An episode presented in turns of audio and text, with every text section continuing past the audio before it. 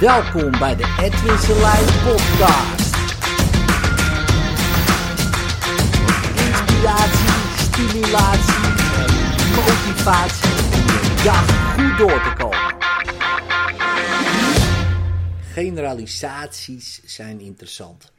Hè, dus ik heb wel eens mensen die zeggen, ja ik ben echt altijd onzeker man. Ik ben altijd, eh, voel ik me eh, niet goed genoeg altijd uh, voel ik me een mislukkeling. Altijd puntje, puntje, puntje. En um, hè, bijvoorbeeld als je zegt van, uh, ik voel me altijd onzeker. Weet je dat zeker? Ja man. Oké. Dus dan weet je dat in ieder geval zeker. Dus dan kan je niet altijd onzeker voelen. En dan zie je die, die die mensen echt hun brein kraken, weet je wel. Omdat iedere generalisatie uh, natuurlijk altijd wel ergens een tegenvoorbeeld heeft wat niet klopt bij die generalisatie. Dus als ik zeg altijd onzeker, dat is gewoon niet waar. Net als dat je altijd zeker bent. Je bent net zo goed over dingen heel zeker. En ook uh, over dingen onzeker. En, en dat is prima. Hè, of Um, dat je altijd een mislukkeling voelt. Nou, kijk, ik zeg ja, nou ja, dit is in ieder geval gelukt, hè, dit idee, dat je het altijd voelt. Dus dan is er weer toch iets gelukt. Dus hij gaat altijd wel ergens, uh, gaat het, uh, um, ja, vind je dus een tegenvoorbeeld.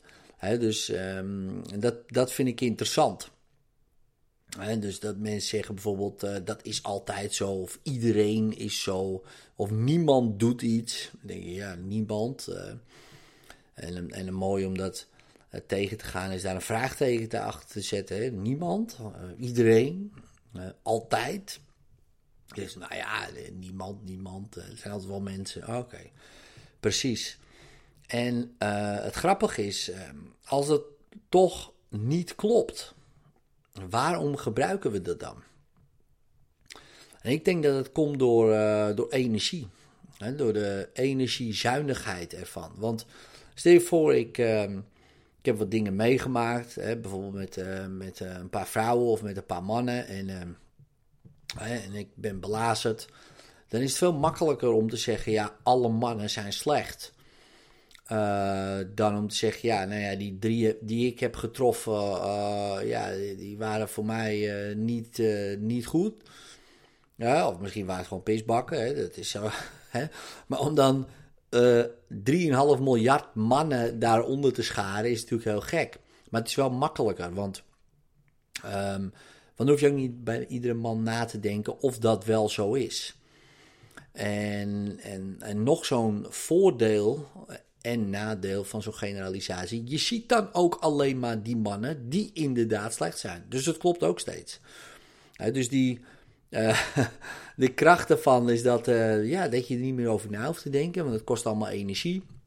En die energie kan je heel goed gebruiken om te overleven.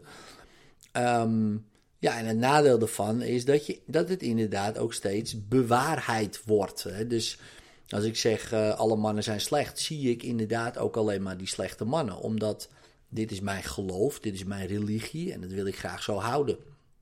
Dus ik ga daar bewijsvoering voor vinden. alle vrouwen zijn leugenaars. Nou, daar vind ik daar bewijsvoering voor. Um, alle buitenlanders uh, uh, zijn dieven. Ja, daar vind ik daar bewijsvoering voor. Dat is natuurlijk gelul in de ruimte, want er zijn 7 miljard buitenlanders. want Nederland is een heel klein land en de rest zijn allemaal buitenlanders. Uh, dan, uh, dan, ja, als dat allemaal dieven zijn, wow, dat is wel heel veel. en daar komt natuurlijk geen zak van. Maar goed, mijn focus gaat daar wel dan naartoe, om dat uh, geloof in stand te houden. Ja, dus, um, en, en het is goed om, om dat eens onder de loep te nemen. Om te kijken van ja, klopt, klopt dat, geloof wat ik heb wel? Nou, dan is er nog een belangrijk ding naast de energiezuinigheid hè, van zo'n van zo'n geloof. Hè, want ik hoef verder niet na te denken, ik kan gewoon lekker leven en ik filter direct de mannen, de vrouwen, de buitenlanders, de, um, de wel eens niet, dus filter ik meteen eruit, want ik geloof gewoon dingen. Over mensen, over de wereld, over relaties, over liefde, over geld. eh, dat heb ik al bedacht. Dus hoef ik niet de hele tijd over na te denken. Eh, dus dat is lekker, hè, dus dat is energiezuinig. Een tweede belangrijke, hè, eh, waarom we dat doen, generaliseren, is het leren. Ja, want als jij eenmaal hebt geleerd bijvoorbeeld om te fietsen, op een fiets, dan kan je dat nagenoeg op alle andere fietsen ook. Dus dat is ook generaliseren. Dus dan trek ik dat door over alle andere fietsen. Sterker nog, dat kleine fietsje waar je op, op hebt leren fietsen, kan je waarschijnlijk nu niet meer op fietsen. Terwijl je wel in, op andere fietsen kan fietsen. Soms een beetje moet je even wennen. Maar je lichaam heeft dat geleerd. Net als autorijden. Je, je rijdt misschien af in een Volkswagen. Maar het is niet zo dat je dan alleen maar in een Volkswagen kan rijden. Je kan in nagenoeg iedere auto rijden. eh, die daar nagenoeg op lijkt. Want we hebben dat gegeneraliseerd. Dat, dat kan ons brein. Zo leren wij. Dan ga je daar een computer tegenover stellen. Die moet dat allemaal zeg maar, opnieuw berekenen. En wij passen ons razendsnel aan aan, ehm, aan die nieuwe werkelijkheid. Omdat we dus kunnen generaliseren. Oh, dit lijkt daarop. Oké, dus dan doen we het gewoon zo. Nou, daar zitten natuurlijk ehm, voordelen aan en nadelen. Want wij vullen alvast in wat iemand, eh, wat wij denken dat bijvoorbeeld iemand denkt of gaat zeggen. Ja, en hoe beter je iemand kent, hoe, hoe beter de gok zou je kunnen zeggen. Dus dan ben je bijna afgestemd op elkaar eh, dat je dat, die zinnen kan afmaken. Maar je ziet het vaak ook in therapie. Iemand komt binnen, die begint een verhaal en de therapeut die heeft al gewoon bedacht eh, wat het probleem van die persoon is. Die heeft al bedacht wat voor persoon het überhaupt is. Die heeft ook al een eventuele oplossing bedacht. En die gaat dan allerlei aannames doen, omdat hij dat heeft bedacht. En zegt ja, en het ergste is nog, vind ik, de therapeut die zegt ja, ik voel dat zo. Of ik voel dat toch anders. Hè? Alsof dat een soort van vrijbrief is. Of om maar gewoon al, allerlei bullshit uh, te spuien. Daar heb ik altijd een beetje een hekel aan. Dat voel ik dan ook zo. Dus. Uh, en um, die doen allerlei helderziende waarnemingen, weet je wel. Die gaan allerlei dingen bedenken die misschien helemaal niet zo zijn. En zo had ik een keer een cursist die zei van ja, uh, ik voel dat je nu. Uh, um, nee, ik weet niet meer precies. Ja, je niet goed genoeg voelt. En ik denk, hé, hoe, hoe kom je erbij? Ik zeg, vraag het eens even aan diegene of dat zo is. En die zei alleen maar, nou, het enige wat ik voel is irritatie, omdat je dit zegt. Ja, ze zegt, ja, dat bedoel ik ook, weet je wel. En dan, en dan zo erop ingaan. Hè, als een soort medium bij een paranormale beurs, die met hele abstracte communicatie, um, ja, alles kan vertellen tegen je en, en wat jij ook aanneemt als waar. Want ja, iedereen kan dat aannemen als waar, bijvoorbeeld. En dan zal ik niet zeggen dat het wel niet bestaat, daar gaat het niet om, maar... Uh, het gaat om het feit van, hé, hey, wacht eens even, is dit nou eigenlijk mijn aanname, mijn generalisatie? Lijkt die persoon op iemand? Dat, dat ik dat meteen ga generaliseren. Dat is vaak heel onbewust. Als die persoon lijkt op mijn moeder, uh, dan ga ik daar anders uh, opeens onbewust mee om. Ik had ook eens een keer een cursist die leek op mijn oom. Nou, dat was heel apart. Ik, uh, toevallig zag ik hem uh, gisteren weer. En uh, het is net of het familie van me is. Het is niet zo. En ik kan heel goed met die man overweg. En ik, ik, heb daar een hele. Ik, ik voel daar een hele. Um, ja, goed gevoel bij, zeg maar, weet je wel. Alsof het inderdaad familie is. Maar ik weet ook, dat is allemaal invulling van mijn kant. Dat heb ik zo gegeneraliseerd, omdat hij lijkt op bepaalde personen. Maar stel je voor, en dat is oké in dit geval, waarom niet? Dus je, je voelt je gewoon connected met die persoon. Um, en, en dat is prima. Maar stel je voor in, in, in een therapiesessie of in een coaching sessie, dan, gaat, dan kan dat mee gaan spelen. En als jij niet bewust bent van je eigen generalisaties en je gaat gewoon dingen aannemen en invullen en aanvullen, terwijl het helemaal niet klopt, ja, dan, dan, dan schiet je wel je doel voorbij. Helemaal als je denkt van, en als je helemaal als je dat excuus gaat gebruiken van intuïtie. Hé, maar dat is mijn intuïtie, ik voel dat gewoon zo.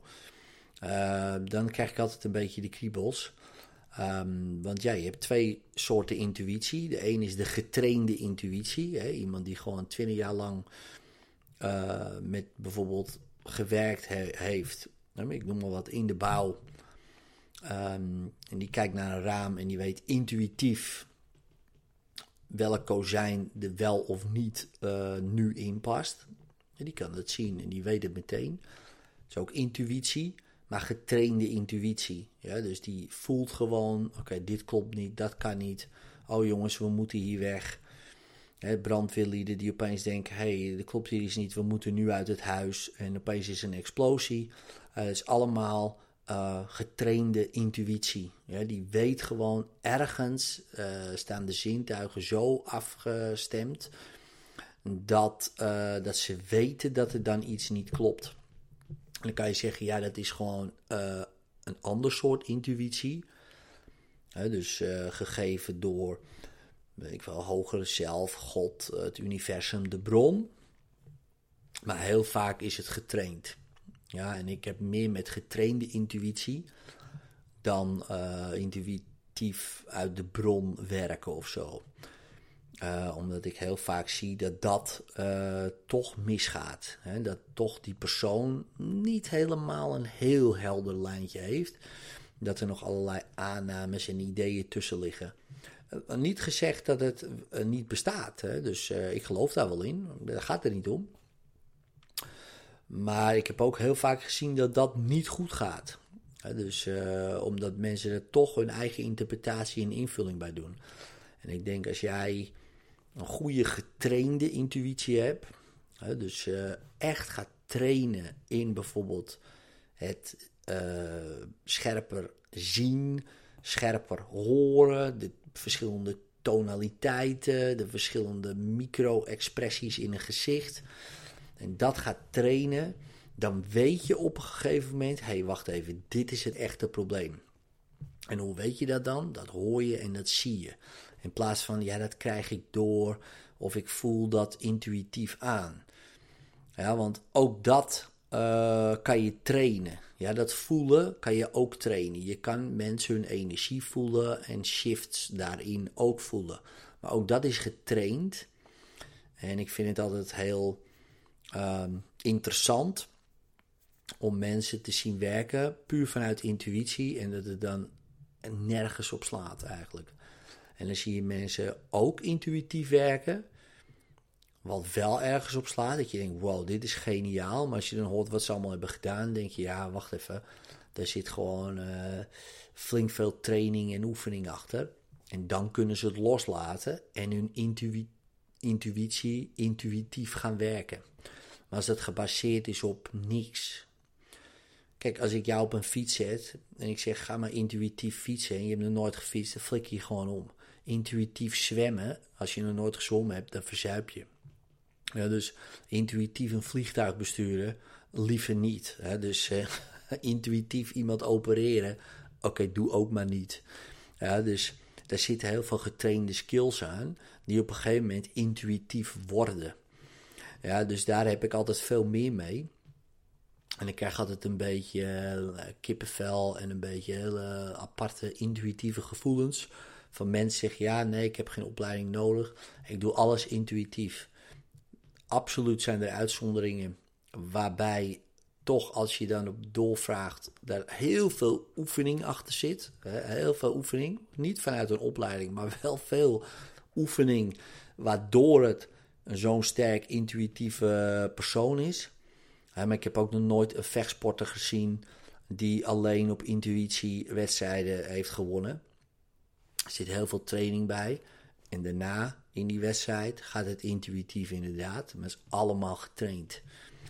Ja, dus. En dat. Om even terug te komen op die generalisaties. Die generalisaties zorgen ervoor dat dingen intuïtief worden. Dat je gewoon intuïtief kan fietsen. Dat je intuïtief eh, kan luisteren. Dat je intuïtief kan aanvoelen en voelen. maar eerst leren. Het gaat altijd door processen heen. dus onbewust onbekwaam, bewust onbekwaam, bewust gaan bekwamen. Dat is de meest lastige. Dus dan moet je oefenen, oefenen, oefenen, oefenen, oefenen. Dat heet trainen. Dan word je onbewust bekwaam. En dat is intuïtie. Ja, en ehm, ik ben een heel groot voorstander van intuïtief dingen doen, maar wel vanuit een goede basis. Dankjewel voor het luisteren. Tot de volgende keer.